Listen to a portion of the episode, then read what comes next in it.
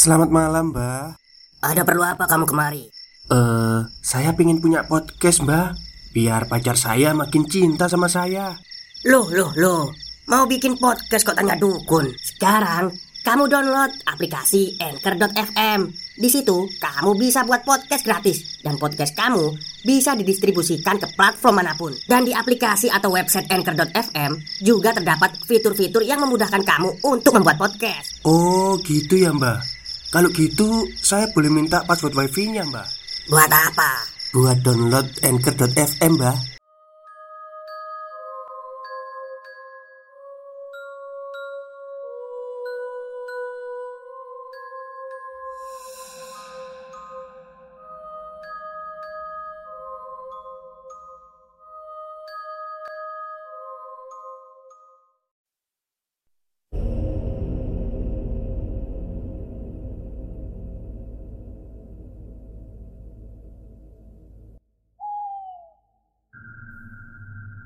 Assalamualaikum warahmatullahi wabarakatuh. Halo semuanya Jumpa lagi dengan saya Chow Sing Sing Kurator dari Podcast Horror Night Story.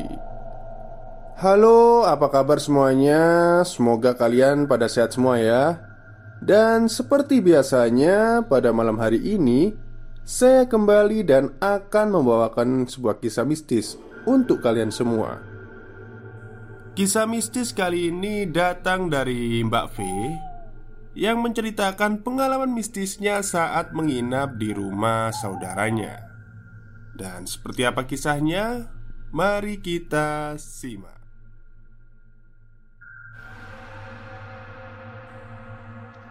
Aku kang setia satu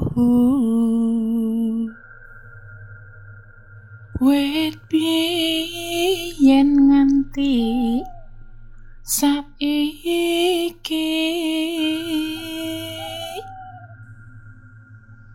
Bebasane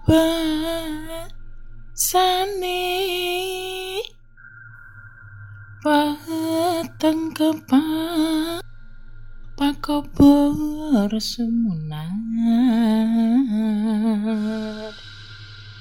Assalamualaikum warahmatullahi wabarakatuh. Sebait lagu yang baru saja saya lantunkan adalah karya cipta dari almarhum Kinarto Sabdo Seorang seniman hebat dan dalang wayang kulit kondang dari Jawa Tengah. Selain mengapresiasi lagu itu sebagai sebuah mahakarya, saya pribadi punya pengalaman istimewa dengan lagu ini. Dan pengalaman inilah yang kali ini akan saya share kepada kalian. Tapi sebelumnya, jangan lupa untuk subscribe channel ini, like, komen, dan share ke teman-teman kalian yang kalian rasa punya selera horor yang sama. Dan jangan lupa juga nyalakan lonceng notifikasi agar kalian tidak ketinggalan upload terbaru dari channel ini. Dan kita mulai ceritanya. Cerita ini berawal ketika saya dan suami menghadiri acara nikahan keluarga namanya Mas Galuh di daerah Kabupaten Trenggalek salah satu desa di sana. Belum lama, mungkin masih sekitar satu bulanan, tertanggal dari hari ini saya menceritakan ini 30 September 2020. Karena masih dalam masa siaga COVID, yang hadir pun hanya keluarga terdekat. Mungkin sekitar 14 atau 15 orang itu pun sudah termasuk uh, apa penghulu dan saksi. Dan alhamdulillah acara hari itu berjalan dengan lancar. Acara selesai sekitar jam 5 dan tadinya saya dan suami sudah berencana untuk pulang. Hanya saja Mas Galuh meminta kami untuk menginap karena selain memang hari sudah menjelang gelap, jalanan yang tanjakan turunan dan tikungannya cukup ekstrim juga jadi lebih licin karena gerimis yang turun sejak dari tadi siang.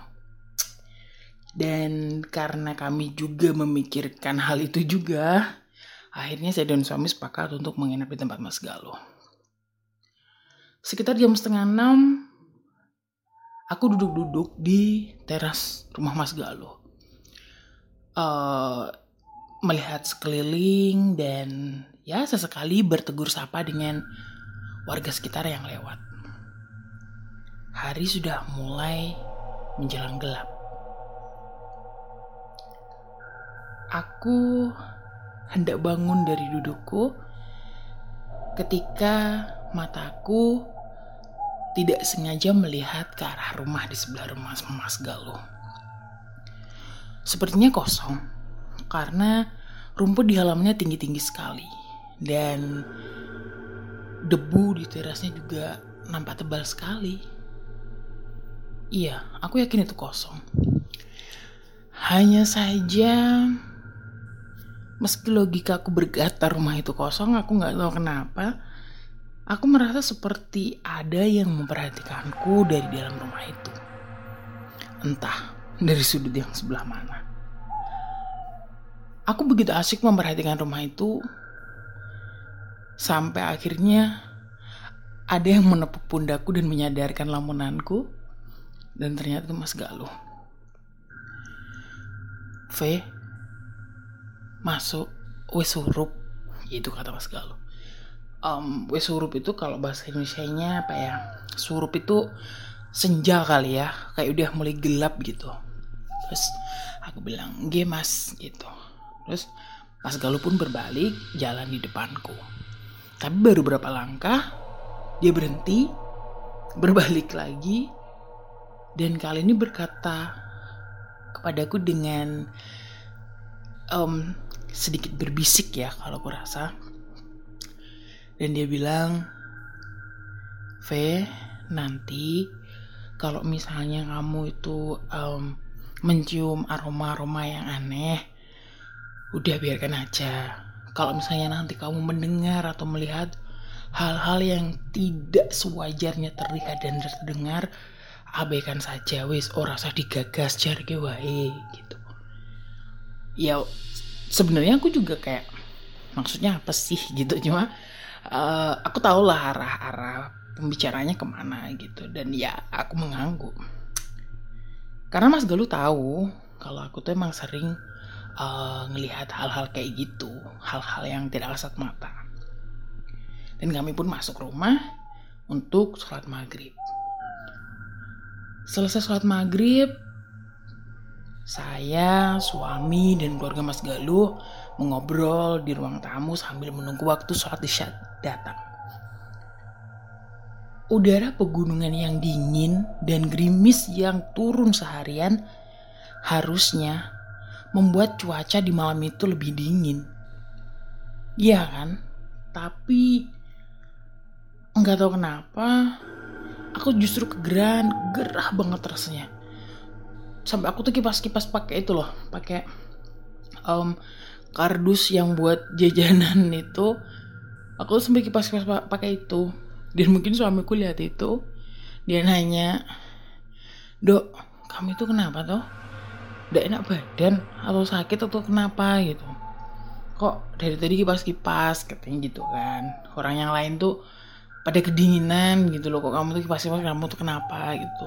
Dan ya ya aku cuma bilang nggak tahu nih mas. Gerah banget aku nih. Uh, aku tak duduk di luar aja ya ngisi sambil cari angin kataku. Suamiku mengangguk ya wes ya udah sana gitu. Terus ini aku bangun dari duduk aku mau keluar.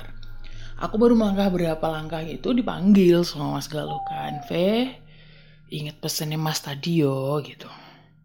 Nggih mas udah aku jawab itu aja kan. Terus, udah aku keluar. Uh, hujan udah reda sebenarnya. Tapi jalanan di situ sepi banget. Padahal belum ada jam 7 ya mungkin karena habis hujan juga sih jadi kayak mungkin orang-orangnya juga mager ya mas mau ke mana-mana juga becek gitu mungkin. Jadi cuma terdengar suara ini aja suara apa? Kodok gitu yang bersaut-sautan gitu. Khas banget deh suara pegunungan gitu. Nah um, belum berapa lama saya duduk di situ tiba-tiba samar-samar saya mendengar lantunan lagu. Iya lantunan lagu yang tadi Setio Tuhu dalam hati aku memuji uh, alunan suaranya yang begitu merdu dan lembut. Dan tiba-tiba ketika sampai di hampir di akhir lagu, karena aku menikmati banget ya ketika aku mendengarkan lagu itu, uh, ketika udah mau habis, udah mau penghabisan lagu, tiba-tiba lagu yang tadi saya dengar itu terhenti dan berubah menjadi rintihan. Aku dengernya kayak orang kayak orang kesakitan gitu loh. Jadi kayak kayak kayak apa ya? Kalau yang aku inget ya, dia tuh kayak bilang kayak sakit, sakit, tolong, panas, sakit, tolong. Itu tuh samar gimana ya aku jelasinnya ya? Suaranya tuh kecil ya oh, bukan kecil apa sih? Lirih gitu. Tapi itu jelas banget gitu kayaknya. Gue celingkan dong ya kan? Ke kanan kiri ngeliat ini suara dari mana? gitu. Cuma aku yakin kalau suara itu dari rumah kosong di sebelah rumah Mas Galuh. Dan ya aneh gitu karena rumah itu kan nggak ada beneran sama sekali dan aku yakin rumah itu kosong gitu. Maksudnya nggak ada manusia tinggal di situ gitu. Jadi ini suara apa gitu kan? Perasaanku udah nggak enak nih. Keinget sama sama pesanan uh, pesanan lagi. Kayaknya sama pesen pesennya Mas Galuh tadi gitu kan kayaknya ah udah mending gue masuk ke bangun ketika mau masuk suara itu tuh makin jelas suara rintihan tadi tuh makin jelas. Dan ketika aku mau masuk, suara rintihan tadi berubah jadi suara cekikikan yang mengerikan. Oh, gimana ya kayak ya, ya cekikikan gitu. Dan anehnya saat itu tubuhku tuh bener-bener membatu kayak nggak bisa gerak. Kayak ada yang maksa aku untuk tetap diam di situ melihat ke arah rumah itu. Dan aku tuh mau manggil suami aja tuh nggak bisa gitu. Aku mau teriak manggil suamiku itu nggak bisa bener-bener nggak bisa nggak ada suara yang bisa keluar. Dan aku tuh cuma bisa aku cuma apa ya um, dalam hati aku cuma terus terus baca ayat kursi dan baca surat-surat pendek yang aku bisa. Dan tidak lama setelah itu uh, aku merasa tubuhku tuh kayak panas gitu. Kayak kayak aku tuh deket sama uh, sumber panasnya gitu. Entah api entah apa pokoknya panas banget dan tiba-tiba aku lihat sesosok perempuan bergaun putih dengan rambut megar itu melayang dari atap rumah kosong di sebelah rumah Mas Galuh. Dan ya Allah, ih, berinding banget aku kalau ingat.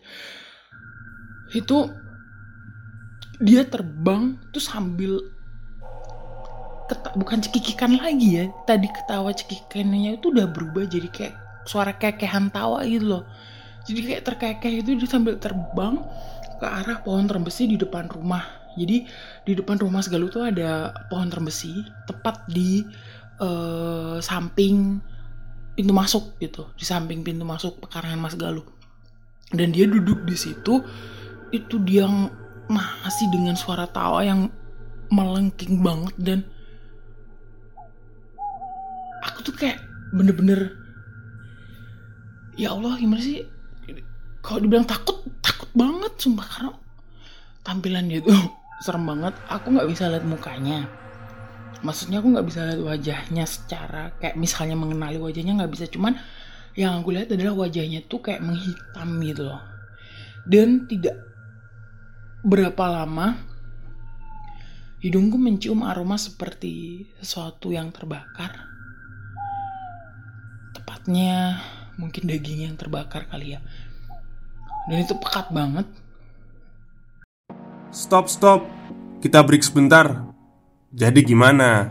Kalian pengen punya podcast seperti saya? Jangan pakai dukun, pakai Anchor. Download sekarang juga. Gratis. dan aku aku bener-bener nggak bisa ngapa-ngapain loh di situ bener. Gerak nggak bisa teriak nggak bisa. Sampai akhirnya ada yang menepuk pundakku dan itu sontak membuat aku kayak gitu apa sih? Kayak akhirnya bisa gerak gitu kan. Dan ternyata pas aku tolak itu suamiku. Yang dia bilang dok apain kamu tuh masih di sini? Udah waktunya Isa lo masuk kata dia gitu. Aku lemas banget kan karena habis habis kayak bener-bener kayak membek apa membatu gitu terus karena ditepok dia tuh akhirnya bisa gerak akhirnya aku duduk lagi. Loh lah kok malah duduk toh gitu. ayo masuk sholat dulu. Habis itu tidur biar bisa istirahat lebih awal. Besok kan mau perjalanan jauh gitu. Terus aku bilang iya mas nggih tunggu dulu gitu aku masih ngatur napas nih kan biar lebih tenang gitu. Ternyata nggak berapa lama Mas Galuh nyusul keluar sama istrinya. Mungkin dia ngeliat aku yang pucat banget ya. Terus dia bilang V kamu nggak apa-apa gitu. Aku tuh belum belum sempet jawab Mas Galuh. Aku noleh ke arah pohon yang tadi yang aku lihat ada perempuan duduk tadi. Tapi sosok perempuan itu udah nggak ada. Dan mungkin Mas Galuh paham gitu maksudnya dengan eh, bahasa tubuhku itu terus dia langsung ngomong ke suamiku ya udah udah ayo masuk masuk. Kang itu istrimu jangan masuk kata dia gitu. Ya mungkin suamiku juga paham lah maksudnya suamiku kan juga ngerti aku tuh gimana gitu kan. Oh iya iya terus udah ini kami pun masuk semua. Masuk terus sholat jamaah sholat isya. Selesai sholat eh, aku masih lipat mau kena kan Mas Galuh datang nih. Mas Galuh datang terus dia bilang sekarang kamu udah tahu kan kenapa mas ngomong kayak tadi itu ke kamu? Gitu. Iya mas kataku gitu. Terus aku kan mau tanya mau tanya tentang itu gitu. Aku bilang "Em, tapi mas eh, dia itu gitu. Aku baru ngomong kayak gitu cuma Mas Galuh em, naruh telunjuknya tuh di depan mulut gitu kan.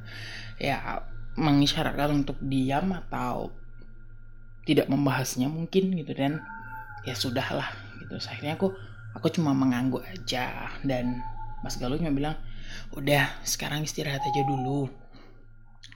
Ceritanya besok aja. Kamu kan besok mau jalan jauh istirahat lebih awal. Jangan lupa berdoa kalau mau tidur.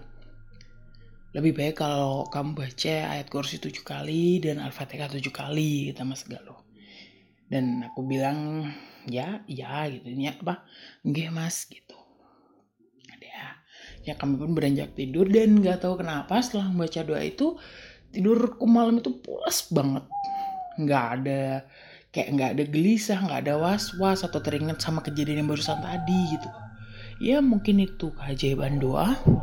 Allah alam nggak tahu. Hingga sampai akhirnya pagi aku bangun dengan tubuh yang rasa seger banget gitu kayak kayak tidurku semalam tuh berkualitas banget gitu loh. Nah ya udah aku pun beres-beres barang siap-siap barangnya mau dibawa pulang. Selesai beres-beres terdengar suara istri Mas Galuh manggil nyuruh sarapan. Pas keluar Mas Galuhnya ternyata udah di meja makan. Terus ya udah kita berbincang seperlunya dulu gitu kan. Dia bilang dah makan dulu sebelum jalan. Lumayan tuh buat hemat biaya perjalanan kayak gitu kan apa dia berkelakar gitu. Terus udah selesai sarapan masih di meja makan nih. Udah selesai dibereskan kan. Terus Mas Galuh buka omongan. V soal yang semalam. Emangnya kamu tuh lihat apa? Kok sampai apa? Pokoknya tuh sampai kayak gitu gitu lah aku tuh kayak sampai takut terus pucet banget kayak gitu udah tuh cerita tuh semua yang mau dari A sampai Z tuh aku ceritakan yang, yang uh, di teras itu. Terus terakhir aku nyak bilang daging ini aroma aroma daging terbakarnya kok pekat banget ya mas ya? Emang itu apa sih mas? kataku mas lalu diem. Diem terus kayak ambil napas panjang gitu. Terus itu rumput kopi terus Yutugi itu satu nama yang terlontar pertama kali dari mulut Mas Galuh. Maksudnya Mas? Tanyaku lagi kan. Namanya Tugiati.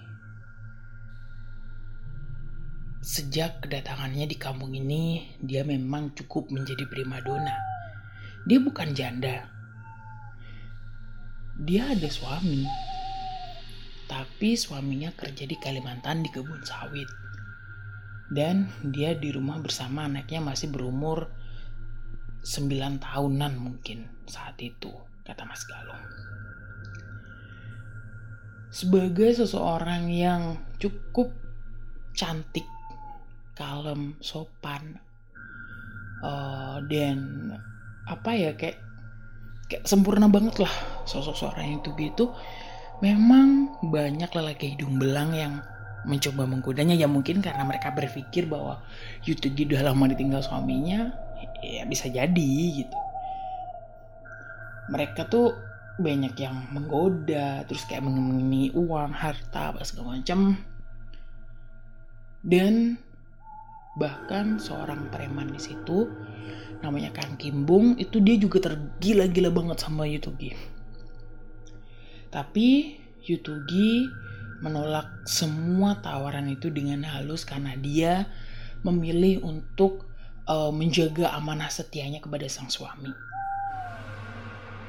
Dan Kang Kibung mungkin karena nggak terima ditolak atau gimana, dia sakit hati dan uh, apa ya kayak dia itu punya pikiran bahwa kalau nggak ada eh kalau apa kalau aku nggak bisa milikin dia maka nggak ada juga orang lain yang boleh milikin dia gitu. Sampai akhirnya dia punya rencana jahat untuk ngebunuh Yutugi dan malam itu pertengahan tahun 90-an Mas Galuh yang saat itu seumuran dengan anaknya itu Yutugi baru saja pulang dari pelataran rumah Yutugi main bersama anaknya itu kan. Mas Galuh pulang, tidur.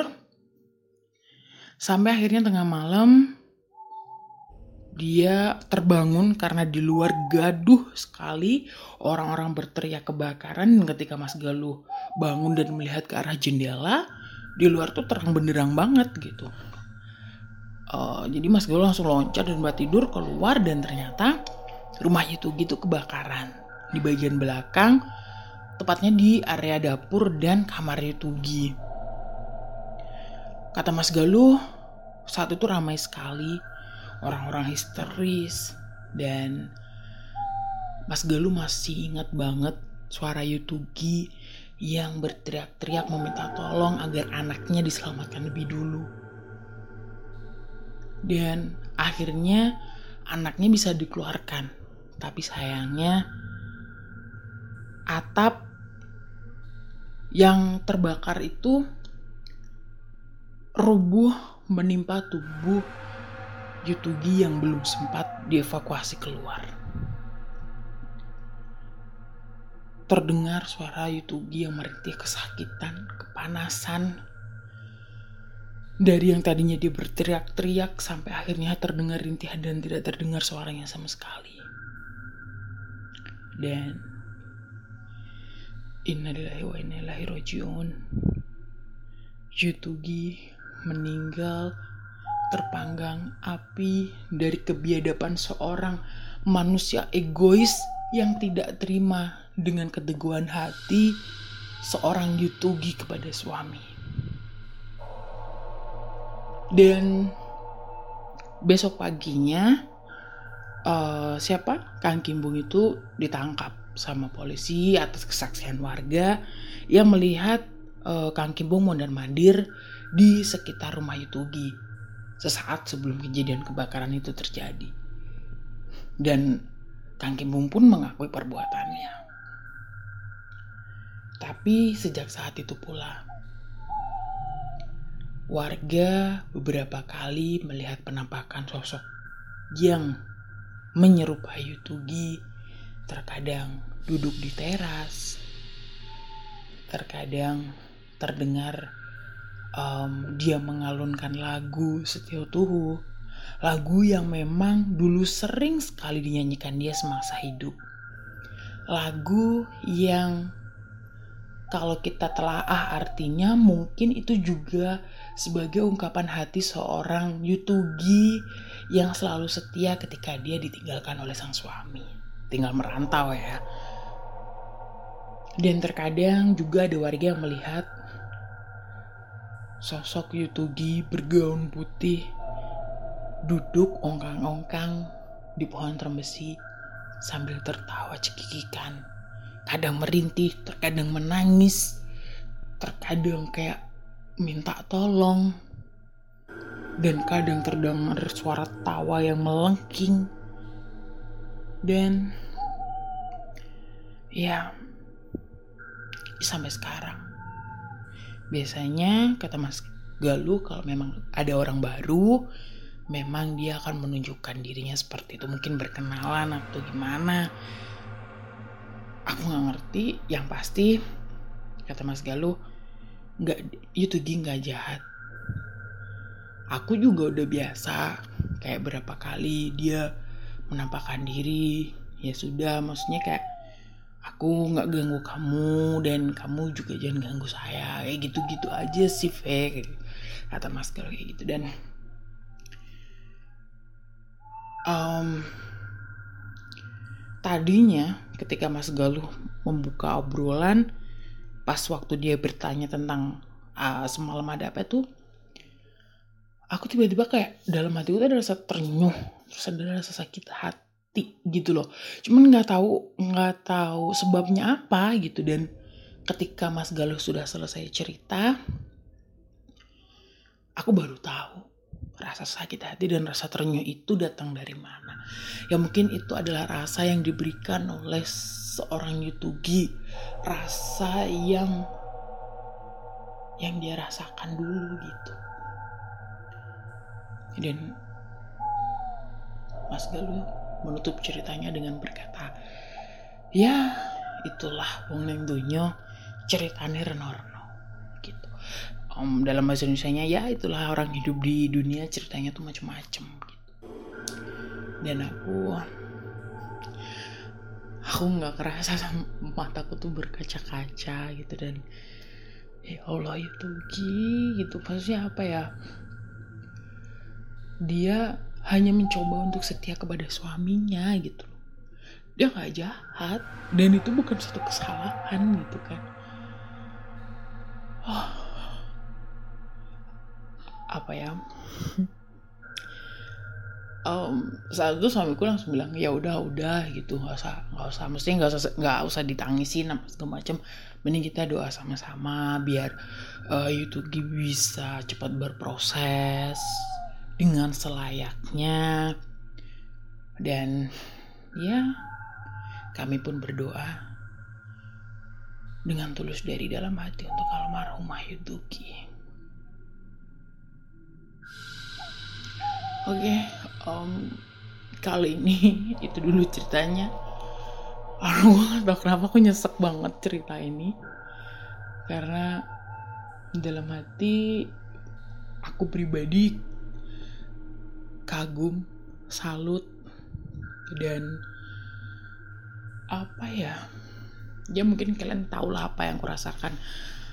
Um, kalian mungkin mengerti seberapa penilaianku kepada seorang Yutugi gitu. Oke, terima kasih sudah mendengarkan dan maaf kalau ada salah-salah kata atau ada kata yang tidak berkenan. Sebelum saya pamit, jangan lupa untuk sekali lagi subscribe channel ini, like, komen, share ke teman-teman kalian yang kalian rasa punya selera horor yang sama dan jangan lupa nyalakan lonceng notifikasinya agar kalian nggak ketinggalan uh, upload-upload terbaru dari channel ini. Saya V, terima kasih sudah mendengarkan. Assalamualaikum. Selamat malam. Selamat beristirahat.